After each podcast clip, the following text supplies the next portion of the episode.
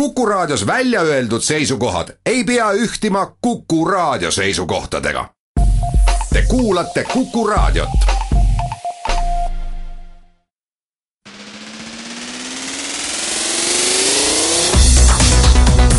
muuli ja Samost. muuli ja Samost tere, head pühapäeva kõigile, alustame saadet Muuli ja Samost. stuudios on Anvar Samost ja Kalle Muuli ja räägime tänases saates äh, siis äh, iseseisvuse taastamise kahekümne viienda aastapäeva puhul nendest kahekümne viiest aastast, räägime eilsest presidendi kõnest ilmselt, aga ka äh, presidendivalimistest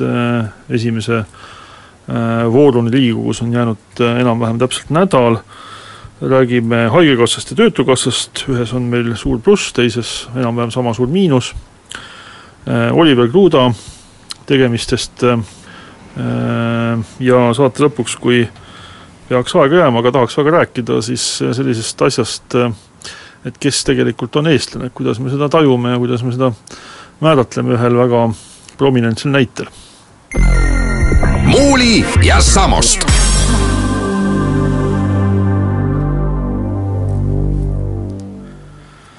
nii palju on räägitud nüüd selle nädala jooksul sellest, et mis siis kakskümmend viis aastat tagasi täpselt toimus, kes mida kakskümmend viis aastat tagasi tegi, natuke vähem on räägitud sellest, mis selle kahekümne viie aastaga siis alates tuhande üheksasaja üheksakümne esimese aasta kahekümnendast augustist kuni tänaseni Eestis toimunud on, et et tõsi küll, et siin eilsetes sõnavõttudes ja intervjuudes ja äh, eriti Rahvusringhäälingu eetris olnud peaministrite intervjuudes on sellest ka juttu olnud, et äh, ma ausalt öeldes ei teagi, et kas nüüd peaks ka siia üritama mingit oma panust andma, anda, et äh, kindlasti, kindlasti on midagi originaalset väga raske öelda, et äh, kirjutasin ka ise ühe väikse jutu Lääne elule, kus ma tegelikult ütlesin seda, et et kui nüüd mõelda selle peale, et missugused olid minu ootused isiklikult, kuna noh, see isiklik vaatepunkt on kõige selgem, tuhande üheksasaja üheksakümne esimese aasta augustis, siis nad olid kindlasti tolle aja kontekstis nagu väga-väga optimistlikud, et noor inimene alati tahab väga palju nagu saada ja usub, et see kõik tuleb. ja ma enam-vähem täpselt ka mäletan, mis need minu ootused olid, kuna ma olin ajakirjanik juba tollal ja noh, sai nagu selles mõttes nagu nende asjade peale kuidagi struktureeritult nagu mõeldud ja kui ma täna mõtlen oma nende ootuste peale, siis noh, tänaseks noh, peab ütlema, et äh, nii optimistlik ei osanud ma kindlasti olla, et kõike seda, mis tänaseks juhtunud on, oodata, et on juhtunud palju rohkem ja, ja, ja palju paremini ja palju kiiremini tegelikult, et et nüüd minu ainukene mure, mure on see, et tõesti, et siin on ka sel nädalal juttu sellest nii-öelda kaotatud kümnendist, et kui ma nüüd mõtlen tänaste kahekümneaastaste peale, siis mina olen praegu neljakümne viie aastane et äh, kui ma mõtlen selle peale, et mida siis need tänased kahekümneaastased kahekümne viie aasta pärast võiksid öelda samas positsioonis, et kui nemad on nelikümmend viis ja vaatavad tagasi kahekümne viiele aastale Eesti Vabariigi taastamisest, on tolleks hetkeks möödas viiskümmend aastat, aasta on siis tuhat, äh, vabandust, kaks tuhat nelikümmend üks, et, et kas nemad võiksid samamoodi öelda, et see, mida nad kahe tuhande kuueteistkümnenda aasta augustis nagu äh, ootasid, et see optimism, et see kõik on nagu kuhjaga nagu ületatud, et mulle praegu tundub, et see on väga, väga suure küsimärgi all ja sellest oleks väga kahju, kui nemad ei saaks samamoodi tagasi vaadata kahekümne viiele aastale, äh, nagu mina praegu saan. aga see võiks sõltuda rohkem neist, ma saan aru, et ühiskonna vastandamine nii noorteks, vanadeks ja põlvkondadeks võib-olla ei ole eriti viljakas, aga, aga põhimõtteliselt siiski mõned inimesed ühiskonnas on need, kes alustavad oma tööteed ja oma, oma elu ehitamise teed ja mõned need, kes kipuvad lõpetama juba. aga ma olen sinuga täiesti päri, et kui, kui kui ma mõtlen tagasi, et milline minu ettekujutus üldse tulevikust võis olla, ma ei tea, kahekümnendal augustil üheksakümmend üks, et see oli noh, isegi kui ma oskasin midagi ette kujutada, see oli kindlasti kümneid kordi lahjem, kui tegelikult on tulemus, nii et ma arvan, et Eesti riik ja Eesti rahvas on on minu ootusi ületanud kümneid kordi, et selles ei ole üldse mingit kahtlust, et see, mida tegelikult nagu tahtsime või ootasime, vähemalt ma ise, oli ikkagi, et saaks sellest Vene võimust ja Vene värgist lahti. et, see, kuidas me elama hakkame, seda ei kujutanud ette, aga ma räägin sulle parem ühe ja raadiokuulajatele ka ühe, ühe eriti sümboolse loo, mille sümboolikat ma ta-, tajusin alles tagantjärgi, kuidas minu äh, äh, kahekümne viie ta taasiseseisvumise aastapäeva tähistamine algas, kuidas see hommik algas, et sel ajal, kui teised inimesed olid Toompeal lippu heiskamas, nüüd kahekümnendal augustil, olin mina Tallinna lennujaamas ja saatsin oma noorema tütre, viieteistaastase kooliõpilase, tema elu esimesele iseseisvale välisreisile, ta sõitis esimest korda ilma täiskasvanud saatjata välismaale, läks Taani tennisevõistlustele, hommikul kell viis ma panin ta lennuki peale, jätsin hüvasti Äh, natukene enne seda, kui ma läksin kella kaheteistkümneks Riigikogu pidulikule istungile, saatis ta mulle Facebookis sõnumi, et isa, et kas sa saaksid mulle natukene rohkem raha pangakaardi peale saata, et ma tahaks jalgratast rentida, et Kopenhaagenis on hea jalgrattaga sõita, et tenniseväljakud on hotellist natuke kaugel. Sealsamas ma tegin siis väikse pangaülekande talle, ta sai selle kohe kätte, läks rentis jalgrattad ja pärast seda ma hakkasin mõtlema, et taevas halvasta kui ma kakskümmend viis aastat tagasi oleks pidanud kujutama ette, et viieteistaastane tüdruk sõidab üksi välismaale, taskus ID-kaart, mitte pass, vaid ID-kaart, millega ta saab hakkama kogu Euroopa Liidus ja, ja taskus äh, kohalik kodumaine pangakaart, millega ta saab kõiki oma asju õiendada, ükskõik isegi selle, sellest hoolimata, et Taanis on siiamaani teistsugune raha kui Eestis. et äh, ma ei oleks osanud paremat kahekümne viienda aasta tähistamist äh, oodata. Ja alles siis ma sain aru, kui kui, kui suur või, või see muutus on võrreldes selle kahekümne viie aastaga olnud, et see on jah, selline, selline hommik mul oli ja, ja nii õnnelikult mul õnnestus seda päeva alustada ja tähistada. Ja tegelikult, kui ma nüüd tagantjärgi eh, mõtlen, ma olen ju suurema osa oma elust elanud ikkagi veel vanglas. Ma olin kolmekümne kolme aastane, kui Eesti sai iseseisvaks ja, ja vabaduses on nagu vähem elatud. ja ma võin ausalt öelda, et kui ma tänapäeval kuskil nagu mõtlen veel vabaduse peale, vabadus on nii loomulik, et kui ma kuskil veel mõtlen, siis on just see, kui ma tulen üle piiri ja seal on kuskil käik, kus, kus sa saad peaaegu et ilma passi näitamata üle piiri tulla. et siis mul alati tuksatab sees süda või, või selline, selline tunne on, et et äh, näed, Eesti on vaba ja, ja, ja me saame nii vabalt liikuda, isegi siiamaani ma nagu äh, suudan seda, seda äh, vahet endale nagu ette kujutada, aga muudes puhkudes küll ei, ausalt öeldes ei, ei meenu ega ei mõtle igapäevaselt sellele, et me elame vabas riigis, et see on nii loomulikuks muutunud kuna ma siin juba lubasin, et me räägime natuke presidendi eilsest kõnest ka, noh see on mingis mõttes võib-olla oluline, kuna tegemist on president Ilvese tõenäoliselt viimase suure avaliku kõnega, mille ta siis eile pidas äh, iseseisvuse taastamise tähistamisel presidendi lossi loosiaias, et siis ma noh, võib-olla sellise seose looksin siin, et kui me seda kakskümmend viis aastat, mis nüüd on üheksakümne esimesest aastast möödas, üritaksime kuidagi periodiseerida, noh seda on võimalik igatpidi nagu tükkideks jagada. Äh,, aga üks võimalus on teha seda presidentide järgi, mis on võib-olla kõige lihtsam, kõik inimesed teavad, kes on Lennart Meri, kes on Ardo Rüütel, kes on Toomas Hendrik Ilves, ja see kukubki täpselt niimoodi välja, et Lennart Meri oli president äh, noh, äh, vist, tema oli vist president üheksa aastat või? kui nad täpselt no üheksakümmend kaks oktoober ta valiti ja kaks tuhat, kaks tuhat üks, kaks tuhat üks ta läks ära. jah, okei okay,, tema oli siis üheksa aastat, president Rüütel oli president viis aastat ja Toomas Hendrik Ilves on olnud president kümme aastat, eks ju, noh enam-vähem ütleme, laias laastus kümme, viis ja kümme, eks ju, noh väikse väikse erinevusega seal Lennart Meri osas. Ja, ja noh, eks tegelikult ka on võimalik täpselt samuti jaotada seda Eesti kahekümne viie aasta ajalugu nendesamade presidentide järgi, kes siis mingil määral on äh, peegeldanud tollast äh, sellist äh,, ma ei oska öelda, vaimu või peegeldanud olusid, poliitilisi jõujooni. Äh,, et äh, nüüd, kui me räägime sellest Ilves eilsest kõnest, siis äh, noh, selles mõttes Ilves pidas ausa kõne kindlasti, üsna isikliku kõne, ja ta tegelikult noh, tõmbas ka seal täpselt rõhud nendesse kohtadesse, äh, kuhu ta presidendina need rõhud olid tõmmanud, eriti noh, selles osas, kus ta rõhutas kõike seda, mis ei ole presidendi ülesanne Eesti Vabariigis. Ja mina isiklikult, ma arvan, et me peame Toomas Hendrik Ilvesega rahul olema kas nüüd sama rahul kui Lennart Meriga, kes tänaseks on muutunud selliseks müüdiks ja, ja legendiks, aga noh, praegu meil Toomas Hendrik Ilvese presidendiajast on liiga vähe aega möödas, et öelda, et temast sellist müüti nagu ei teki, aga kindlasti kui ma ütlesin, et see oli aus kõne, et siis võib-olla president Ilves selle rõhutamisega, nende, nende nii-öelda mida president ei tee asjade rõhutamisega äh,, luges neid mitte tehtud asju oma saavutuseks, mina ütleksin vastupidi, et täpselt see, et ta ei teinud teatud asju põhimõtteliselt, ma saan aru, et see oli põhimõtteline valik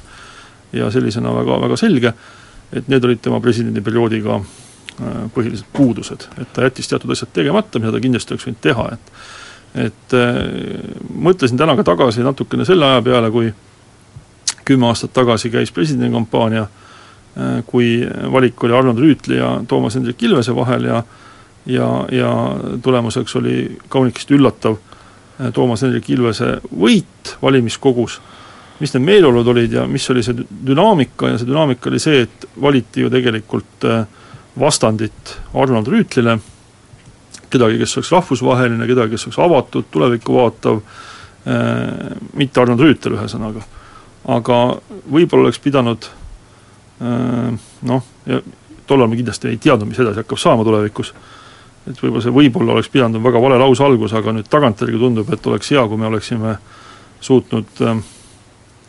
anda presidendile ka tollal sõnumi, et president peaks siiski olema ka sisepoliitiline Äh, figuur ja sisepoliitiline tasakaalustaja. Äh, oluliselt vähem kui Lennart Meri ja, ja oluliselt vähem kui ka Arnold Rüütel on äh, Toomas Hendrik Ilves seda oma kümneaastase ametiaja jooksul paraku olnud. tol ajal oli, aeg oli täiesti teistsugune või isegi võiks ütelda noh, majanduslikus mõttes risti vastupidi. Eesti majanduskasv oli kohati seal kahekohaliste numbritega mõõdetav, oli, oli selline buumi tipp aasta kaks tuhat kuus, et palju, palju kõrgemale ja kaugemale ei saanud äh, minna, mäletate, unistasime siin viie, viie, viieteistkümne aastaga viie rikkama riigi sisse sattumisest ja ja, ja see perspektiiv tundus isegi nii tõenäoline, et, et et paljud seda ka uskusid, et tollal võib-olla see nii-öelda see sisepoliitiline roll võib-olla ei tundunudki nii tähtis, kuna noh, teatud äh, asjad olid äh, ise tasakaalus? ise, ise tasakaalus ja ise hästi ja, ja ei olnud meil ka mingisuguste selliste äh, väga suurte noh, mingi sisepoliitiliste ohtudega silmitsi, ehkki kohe varsti tulid pronksiööd ja, ja muud asjad. et, et tol ajal võib-olla ei, ei olekski seda nii-öelda suunist või või rõhuasetust saanud äh, teha, sest ei olnud ka väga suurt äh, põhjust, et tänapäeval on see põhjus äh, selgelt suurem, ehkki kui vaadata vahetult nüüd enne taasiseseisvumispäeva välja tulnud Eurobaromeetrit, kus Eesti inimestest kaheksakümmend üks protsenti ütleb, et nad on eluga rahul, mis tähendab küll ka seda et, et üheksateist protsenti ei ole, ehk peaaegu et viiendik et sel, selle põhjal võiks ütelda, et ka sisepoliitiliselt peaks ju olema meil päris selline rahumeelne aeg ja võib-olla, et äh, võrreldes ehk mõne muu Euroopa riigiga kindlasti ka on. noh, sellised äh, äärmusliikumised või ekstremistlikud liikumised on paljudes Euroopa riikides palju jõulisemad kui Eestis, Eestis võiks ütelda, et peaaegu et polegi. aga, aga ikkagi, kogu see õhustik tänu sellele, et äh, majandus eriti ei edene või edeneb väga halvasti. ja, ja, ja noh, mingitel, mingitel muudel põhjustel ka üle-euroopaliste ohtude tõttu ja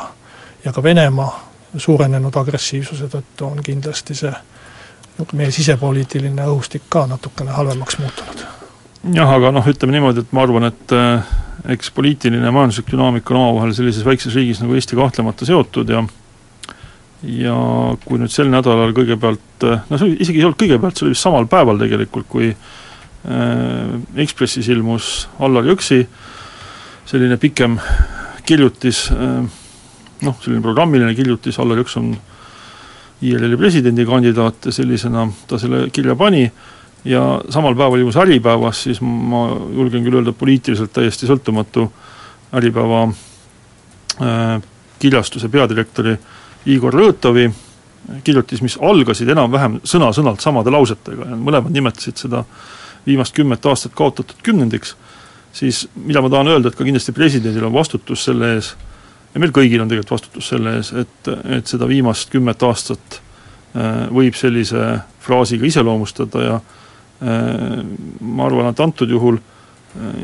nii Jõksil kui, kui Lõõtovil on kindlasti, kindlasti õigus, et see kümme aastat on küll toonud kaasa sellist ootuspärast arengut, positiivset arengut väga mitmetes suundades, aga on ka asju, mis oleks kindlasti saanud ära teha,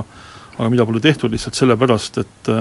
nende asjade äh, Äh, asemel on olnud olulisem äh, võimul püsida. et ma võin isegi öelda, kust minu meelest algas see kaotatud kümnendi hetk, et see ongi enam-vähem täpselt kümme aastat tagasi, et see oli see koht, kus tegelikult Eesti Vabariigil oli valida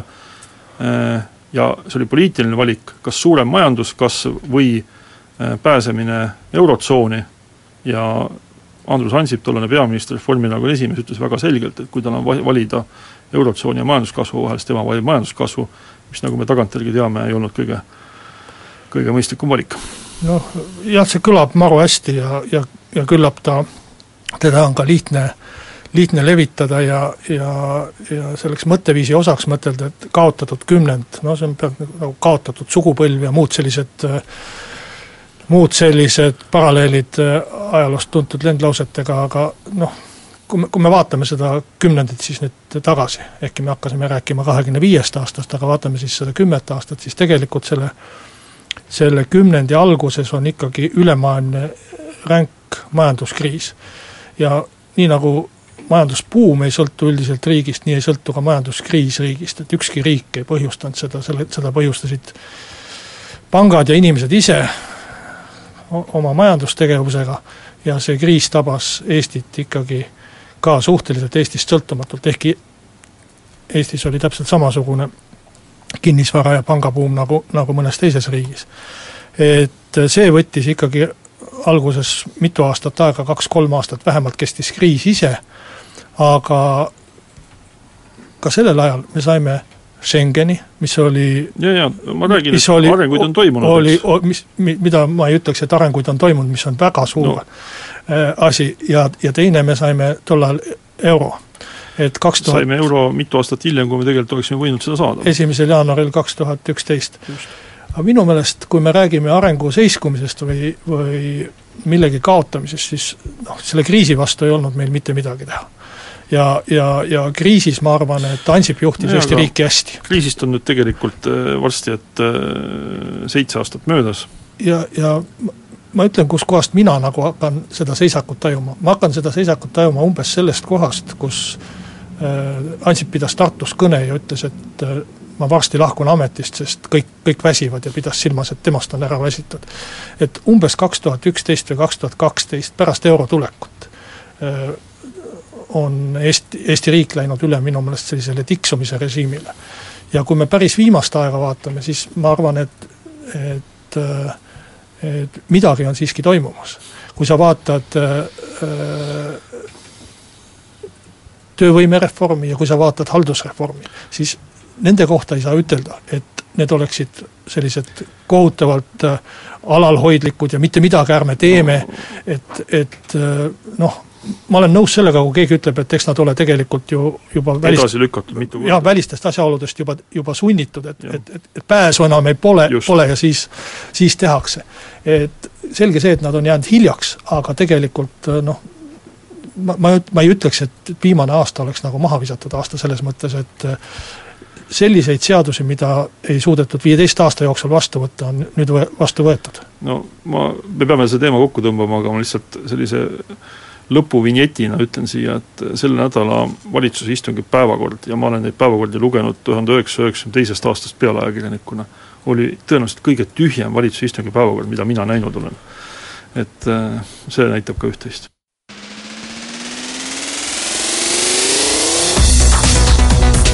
muuli ja Samost. muuli ja Samost. tänase seisuga on siis jäänud enam-vähem nädal presidendivalimisteni, võiks öelda, no võib öelda nii, kahekümne üheksandal ehk siis esmaspäeval toimub Riigikogus presidendivalimiste esimene voor, aga enne kui me sinna nädala järg-, nädala pärast saabuvasse aega läheme, siis pöördume hoopis nädala võrra tagasi, sest et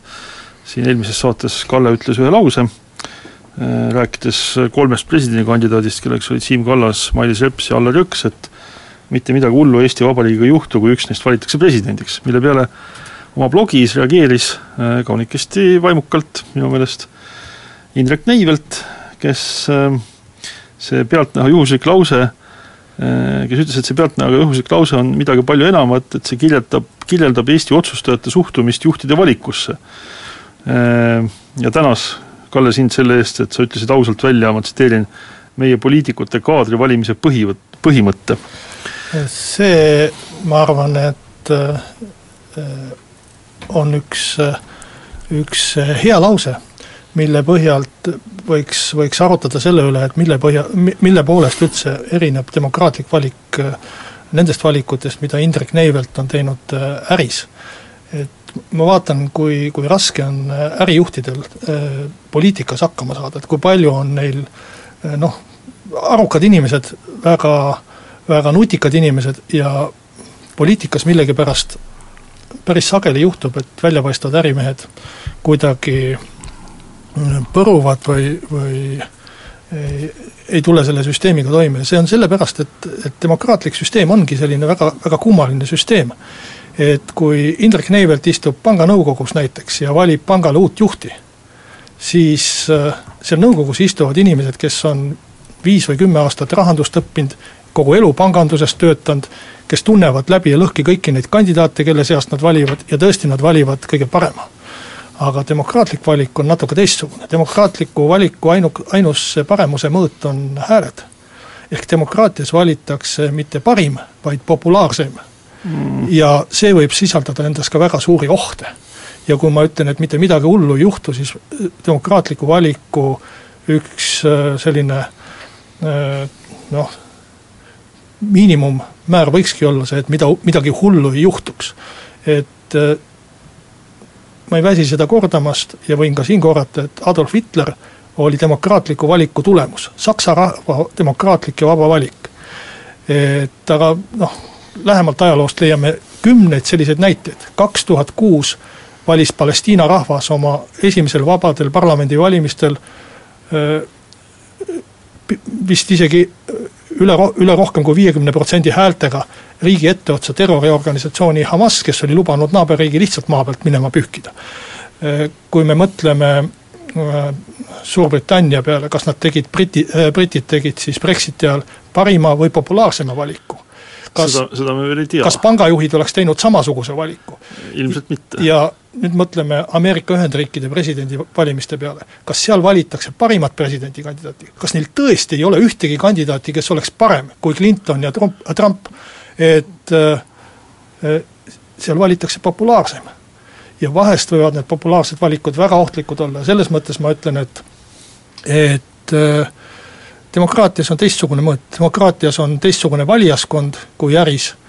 Ja, ja sellel valijaskonnal on erinevad huvid ja see, kes saab rohkem hääli, see ongi parim. et Reformierakond sai nendel valimistel kolmkümmend häält ja sai peamin-, või kolmkümmend kohta sai, sai peaministri koha, Keskerakond sai kakskümmend seitse kohta ja ei saanud peaministri kohta ja sotsiaaldemokraadid said kolmanda parteina viisteist kohta, kas nad on nüüd kaks korda kehvemad kui, kui Keskerakond või mille poolest nad siis halvemad on? tegelikult äh, see mõõdupuu on lihtsalt teistsugune. Ja ma ütlen, et demokraatias võib olla päris hea valik ka see, kui midagi hullu ei juhtu ja selles mõttes on, on äh, Eesti parteid teinud presidendikandidaate valides häid valikuid, ma arvan, et Keskerakond tegi hea valiku, kui eelistas Edgar Savisaarele Mailis Repsi ja see on üks valikukoht, mis ütleb, et meile, et midagi hullu ei juhtu. ja ma arvan, et ka Reformierakond tegi väga hea valiku, kui eelistas Siim Kallast Marina Kaljurannale. Et need on need kohad, mille põhjal ma võin ütelda, et ükskõik kellest kolmest kandidaadist me valime presidendiks, midagi hullu ei juhtu, aga presidendiks saab see, kes on populaarsem. antud juhul küll Riigikogus või valimis, vali-, valijameeste kogus. no tegelikult su selgitus, ma arvan, see vastus on väga, väga selge ja väga hea, aga ma, ma kiuslikult küsin edasi, et mida ütled sa siis vastuseks Heinz Valgule, äh, kes ei ole ettevõtja või ärijuht, või Jüri Raidlale, kes küll on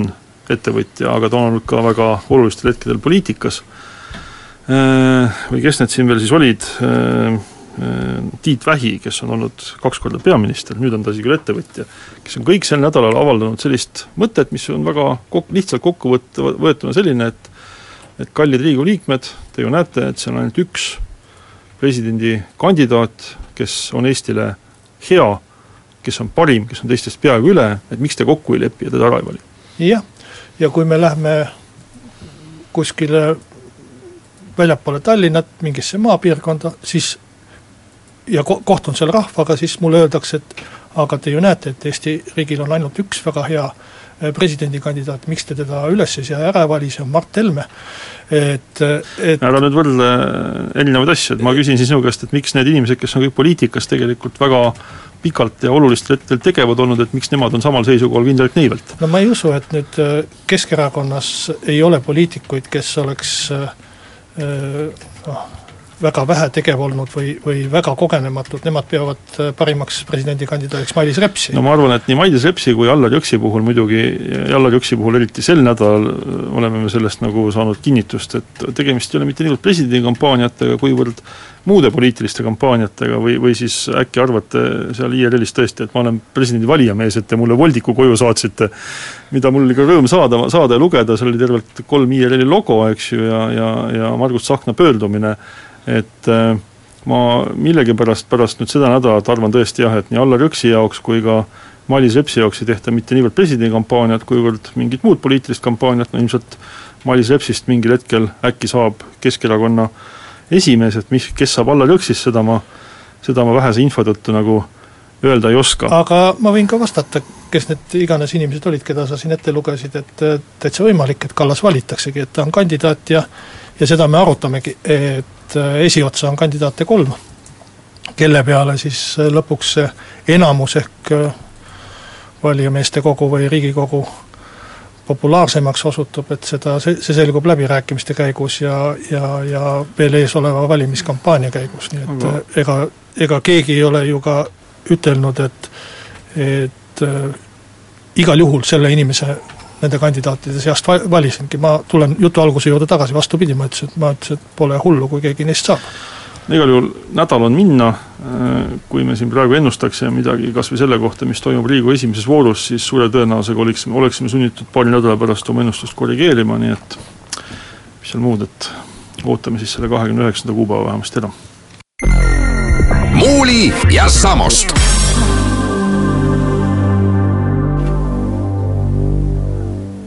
aga edasi räägime kahest avalik-õiguslikust asutusest, kellel mõlemil on kasutada väga suur hulk Eesti maksumaksja raha, üks on Töötukassa, teine Haigekassa ja see nädal on toonud nende kohta täiesti diametraalselt vastupidiseid uudiseid, kõigepealt Töötukassa nõukogu esmaspäeval tegi valitsusele ettepaneku jätta järgmiseks neljaks aastaks töötuskindlustuse maksemäär samaks ehk kahekümne nelja protsendi tasemele, millest siis tavaline tööand-, töövõtja tasub üks koma kuus protsendipunkti ja tööandja null koma kaheksa protsendipunkti. ehk siis äh, noh, teisisõnu öeldes, vaatamata sellele, et Töötukassa reservid on iga aasta kasvanud ja praegu on seal vist kokku juba üle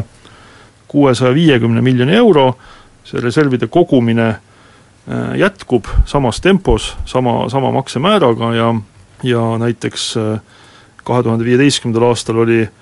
ülejääk nelikümmend neli miljonit, kahe tuhande neljateistkümnendal aastal kaheksakümmend miljonit ja noh, ütleme nii, et kui vaadata neid põhjendusi, mis Töötukassa nõukogu selleks tõi, siis need ei tundu väga usutavad seda rahasummat arvestades ja eh, kõigile, kes vähegi nagu süvenevad Eesti riigi eelarve sellistesse väiksematesse detailidesse, on selge, et selle Töötukassa maksemäära säilitamise ainukene põhjus on see, et hoida selle abil eelarve tasakaalu. nüüd teiselt poolt meil on siin Haigekassa, kus äh, saime teada siis sel nädalal, et äh, kolmkümmend kolm miljonit on juba sel aastal eelarvest rohkem kulutatud ja Haigekassa nõukogu tegi siis valitsusele ettepaneku, et seda äh, kulutamistempot võiks nagu äh, jätkata aasta lõpuni, noh, rahandusminister Sven Sester on öelnud, et see ei lähe, et see seab, seab ohtu, jällegi jõuame samasse kohta tagasi, eelarve tasakaalu noh, eelarve tasakaal on hea asi, et äh, igale inimesele soovitan ja riigile samuti. aga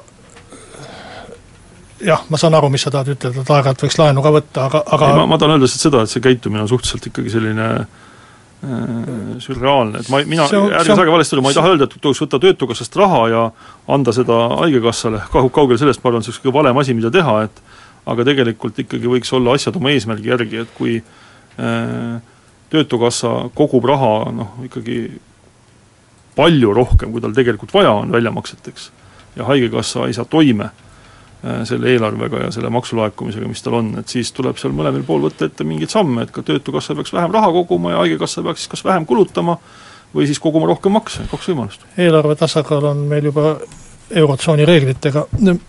peale pandud ja ise oleme seda tahtnud, aga noh, need on minu meelest nagu kaks eri asja, millest me praegu räägime, et Haigekassa juhtkond on rängalt rikkunud eelarvedistsipliini. Ja ma imestan, et nõukogu nii leebelt sellesse suhtub, et kui kui ikkagi asutuse juht viib, viib seadusega kinni, kehtestatud eelarve sellisesse suurde miinusesse, kolmkümmend kolm miljonit poole aastaga, mis on siis aasta lõpuks vanas rahas terve miljard, kuuskümmend kuus miljonit eurot, et äh, see aastalõpu prognoos on küll oluliselt väiksem. jaa, ma saan aru sellest, aga äh, eks prognoos oli esimeseks pooleks aastaks ka teistsugune. see on kõige, jah. Et ärme seda unusta, et kõik need, kõik need asjad, mille tõttu see ülekulu tekkis ju, jooksevad edasi, ega siis neid soodusravimeid ei ole ju kuidagi ära tühistatud, mis väidetavalt olid üheks suureks ülekulu põhjuseks, et ja, ja siis tuleb nõukogu kokku ja, ja selle asemel, et, et juhile selge suunis anda, eelarve tasakaalu viia, täita seadust ja, ja lõpetada riigi raha noh, ma ei taha ütelda raiskamine, sest raha läheb ilmselt headeks asjadeks, aga siiski ülekulutamine ja seaduse rikkumine, et selle asemel siis hakatakse arutama, et tegelikult peakski minema sügavasse miinusesse. et ma arvan nii, et kui on head ajad ja praegu siiski võiks nimetada, ütleme niiviisi, et me ei, me ei ole majanduskriisis. ja kui Haigekassat vaadata, siis veel Haigekassa eelarve ju tulude pool kasvab päris kiiresti. sotsiaalmaksu laekumine on suur ja hea ja kuskilt ei saa ütelda, et seal oleks mingi, mingi tulude poolel mingi tagasiminek, vastupidi, see kasvab rohkem, kui on prognoositud ja oodatud. ja selle pinnalt tule, tulla ütlema, et kuulge, viime ikkagi nagu reservid või miinusesse ja hakkame reserve sööma majanduskasvu ja sotsiaalmaksu laekumise kasvu ajal, ma ütleks, et see on ebanormaalne. E, töötukassaga nii ja naa, et e, mina pooldan sellist e, ütleme, konservatiivset majandamist, kus on kasvu ajal ja praegu siiski kasv on, vähemalt maksulaekumistes, et kasvu ajal kogutakse reserve ja et oleks, mida kulutada siis, kui, kui on kahanemise aeg käes, meil ei ole praegu kahanemise aeg käes, ma saan aru, et rahvastik vananeb, tervishoiukulud suurenevad see kõik on õige. ja kindlasti peaks äh, perspektiivis mõtlema sellele, kuidas Haigekassat äh, teistmoodi rahastada või nii rahastada, et inimesed saaks ravitud ja eelarve oleks, oleks tasakaalus. aga minna selle pealt, et juht teeb ülekulu ja selle asemel, et kärpida äh, mingisuguseid asju, minna ütlema, et nüüd lähemegi reservide kallale, see ei ole minu meelest õige no mis ma tahan öelda, et me ju kõik teame, kuskohast tegelikult Haigekassa saaks raha kokku hoida, need on needsamad haiglahoonete kapitalikulud, see on seesama, et meil ei ole vaja haiglaid, noh, piltlikult öeldes Põlvas ja Võrus, eks ju, kui meil on sealsamas kõrvas, kõrval Tartu Ülikooli Kliinikum, eks, ja nii edasi, nii edasi, me ei jõua siin, saate, aeg on piiratud neid asju ette lugeda. samamoodi me teame, mis seal Töötukassas selle raha kogumisega on. Aga otsuseid ei tehta lihtsalt, et valitsuse päevakord on tühi nagu kell, eks, valitsus ei aruta neid küsimusi, Haigekassa nõukogu ja Töötukassa nõukogu midagi arutavad, noh, kas see, kõik see... läheb, kõik läheb täpselt vanas liinis edasi, neli aastat kogutakse sama palju makse, Haigekassa raha kulub üle, sellepärast et on teatud tüüpi haigusi liiga palju, mitte mingisuguseid selliseid vähegi nagu otsustavamaid samme. see kolmekümne kolme miljoniline auk on praegu ikkagi otseselt Haigekassa nõukogu ja Haigekassa ju-, ju-. kas keegi teeb midagi? Aga valitsus ei, ei, ei saa seal kuidagi sekkuda. valitsus on väga oluline osapool seal. valitsus on valitsus on seal väga oluline oma osapool. eelarve kinnitanud, see on Riigikogu poolt kinnitatud eelarve ja, ja, ja täitku seda eelarvet. nüüd, nüüd lihtsalt istume käed munade peal ja ootame, kas midagi juhtub. ei, Haigekassa juhatus peab äh, aga ta ei tee, ta nagu näed siin ju nagu loed ju ise juhatuse esimese, esimehe üks esimesi ja suuremaid töökohustusi on eelarve täitmine. tehke oma tööd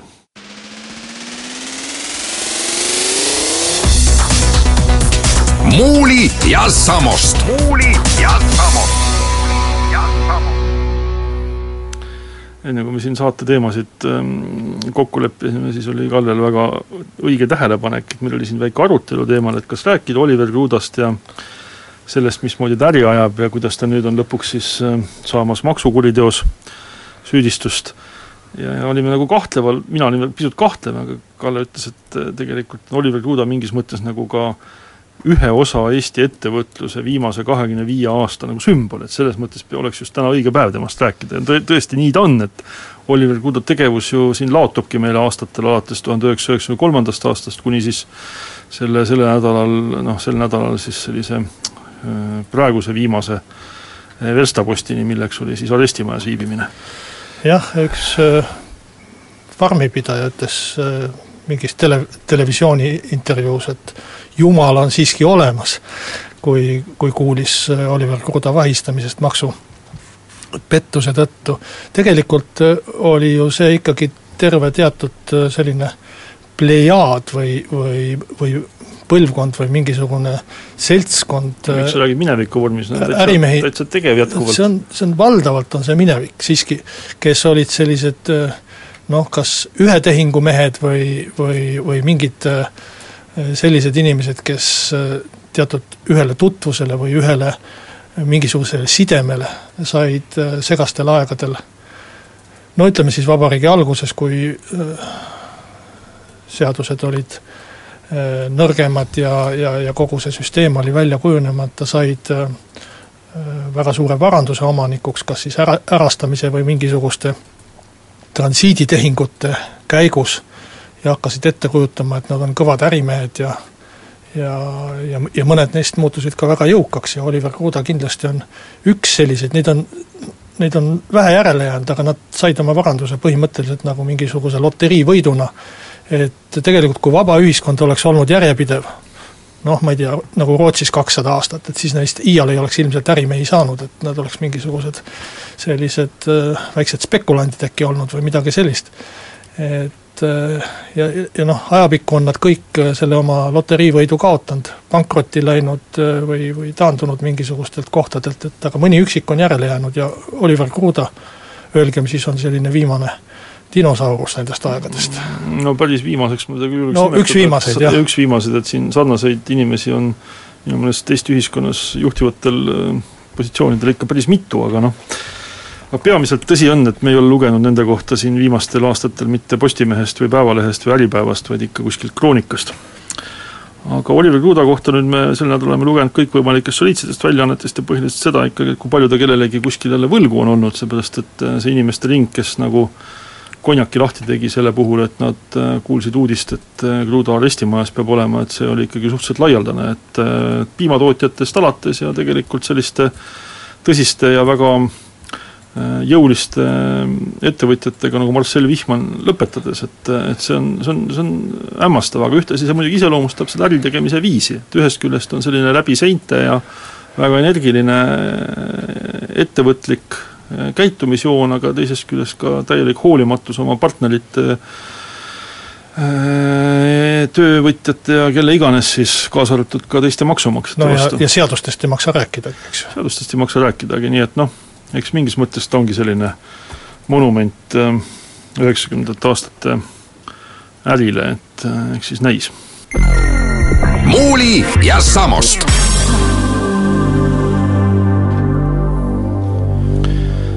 viimase teemana mõtlesime, et arutaks selle üle, et kes on eestlane, et sel nädalal saime siis teada, et Venemaa tähtsuselt teiseks meheks, noh, siin tõlgendusi on erinevaid, aga mõned leiavad, et presidendi administratsiooni ülem on olulisem kui peaminister Venemaal, on tõusnud Eesti juurtega Karl Vaino pojapoeg Anton Vaino. Ja, ja noh, juttu on siin olnud minul vähemasti nädala jooksul erinevate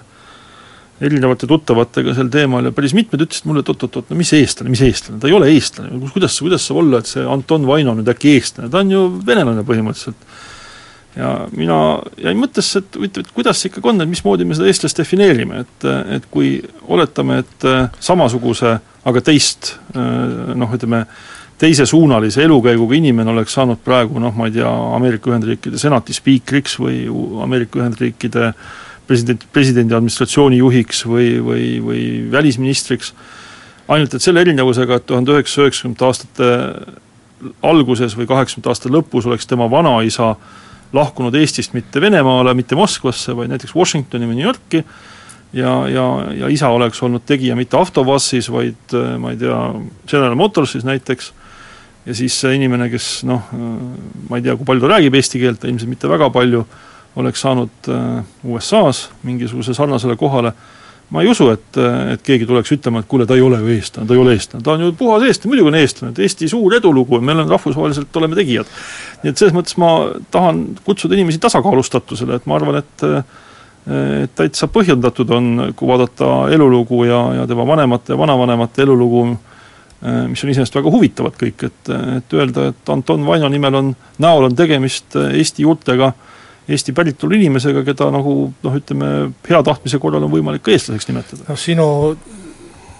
selgituse või selle kirjelduse järgi siis võiks eestlast defineerida kui äh, kõrgel kohal inimest, kes on õigel poolel kõrgel kohal, et aga ei, ei minu, minu definitsioon ütleb vastupidist, et ärme vaata, kummal poolel ta on, eks ju. äh, meil on ju siin eestlasteks loetud Steve Jürvetson, eks ju, siis äh, Brasiilia moekunstnik nimega Metsavaht, eks ju, kes ei oska sõnagi eesti keelt ja ja kes, kes on samamoodi mitmendat põlve juba Eestist eemal viibinud ja Eesti noh, nii-öelda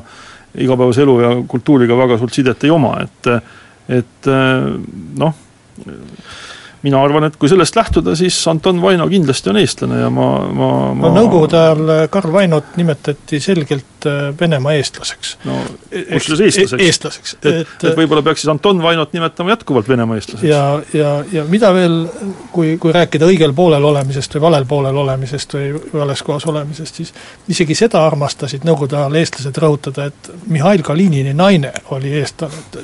sisuliselt Nõukogude Liidu presidendi äh, abikaasa kelle Stalin küll kuskile laagrisse pani. jah, aga, aga et tegelikult ju, ju äh, lihtsalt inimestele raadiote juures äh, mõtlemiseks, et kes siis ikkagi on eestlane, et kui me äh, noh, kohtame Tallinna tänavatel üha rohkem väga tõmmusid, ilmselgelt mitte põhjamaise nahavärviga inimesi, kes räägivad vabalt eesti keelt ja on sündinud Eestis ja ja käinud Eestis koolis, et kas siis keel defineerib selle või, või peaksime natside kombel kuidagi vere kaudu hakkama defineerima, et kes on ikkagi äh, noh, kunagi eestlane olnud, et see jääbki eestlaseks, et sel juhul oleks ka seesama Anton Vaino, aga noh, nii võibki targutama jääda, et äkki lepiks kokku, et eestlane on see, kes ennast eestlaseks peab. no sellisel juhul ma kardan, et Anton Vaino ilmselt ei, ei kvalifitseeru eestlaseks. mis oleks ka tore tegelikult no,. kas ta on, on tore või ei ole tore, et tegelikult ma lugesin siin ka nädalavahetusel Äh, nii Helsingi Sanomat kui Soome Rahvusringhääling olid avaldanud rea jutte selle kohta, kuidas Eesti iseseisvus taastati ja seal oli ülel oli üks väga huvitav lugu tegelikult selle kohta, et kuidas venelased kaasajal praegu näevad eestlasi ja, ja seal oli noh, ma soovitan lugeda, et see on vabalt kättesaadav ja selline kena sissevaade vene inimeste, eestlaste pilti, aga seal oli üks oluline asi, milleni lõpuks välja jõuti, need olid intervjueeritud venelased erinevatest Venemaa piirkondadest, erinevatelt sotsiaalsetelt tasanditelt ja nad jõudsid ikkagi selleni välja, et eestlane on inimene, kes saab asjad tehtud. vaikselt, efektiivselt ja saab tehtud. tähtajaks, et kui ma vaatan nüüd seda, et mis väljakutsed Venemaal Putini režiimil ees seisavad, et äh, raha hakkab otsa saama, et majanduslik situatsioon on nõrk, rahvusvaheline positsioon on väga halb, et eks ta ilmselt ka nagu praegu vahetab oma kaadrit ja sinna leiti sobiv olevat üks eestlane, kes noh, ma arvan, et seal taga on see stereotüüp, et loodetavasti saab efektiivsel moel asjad tehtud. no kahju muidugi, et Anton Vaino äh, ei jõudnud nii kõrgele võimuladvikusse, kus ta praegu on, natuke varem kui Vene Õigeusu Kirikut juhtis Aleksius Teine, muidu oleksime võinud ütelda, et kogu võim Venemaal on eestlaste käes. sellega täna ka lõpetame, Kalle Muul ja Anvar Samost jälle Kuku eetris nädala pärast.